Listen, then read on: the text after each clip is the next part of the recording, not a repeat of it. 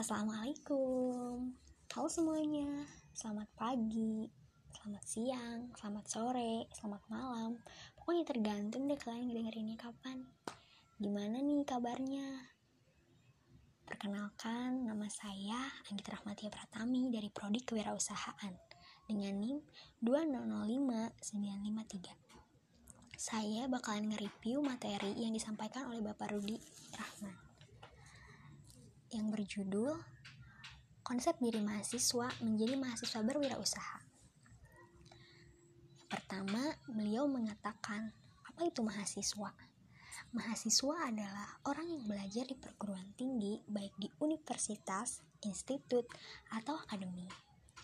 Yang kedua, apa perbedaan siswa dengan mahasiswa? Siswa memiliki pemikiran lima hari ke depan, sedangkan Anda atau mahasiswa harus berpikir lima tahun ke depan. Bedanya Anda dengan mahasiswa lain?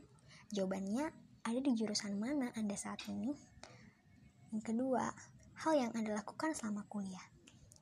Wirausaha adalah kegiatan yang dilakukan oleh seseorang yang berani mengambil resiko untuk membaca peluang usaha yang akan dilakukan. Mahasiswa wirausaha harus melakukan hal ini saat kuliah. Beliau memberi tips. Yang pertama, akademik, organisasi, dan terakhir refresh otak. Dan poinnya, kuliah bukan tempat bekerja. Jadi jangan berharap dapat uang dari kuliah Anda. Dan kedua, tapi ingat, Anda bisa dapat uang saat Anda sedang kuliah bahkan setelahnya. Bagaimana menjadi mahasiswa? Yang pertama, kita harus jalani, nikmati, enjoy, produktif, berbanyak link, jadikan kita beda dari yang lain. Dan untuk yang merasa kalau kalian salah jurusan, ingatlah, sekarang itu bukan saatnya merasa berada di paling benar atau posisi sebaliknya. Jadi, berbuatlah dengan posisi saat ini.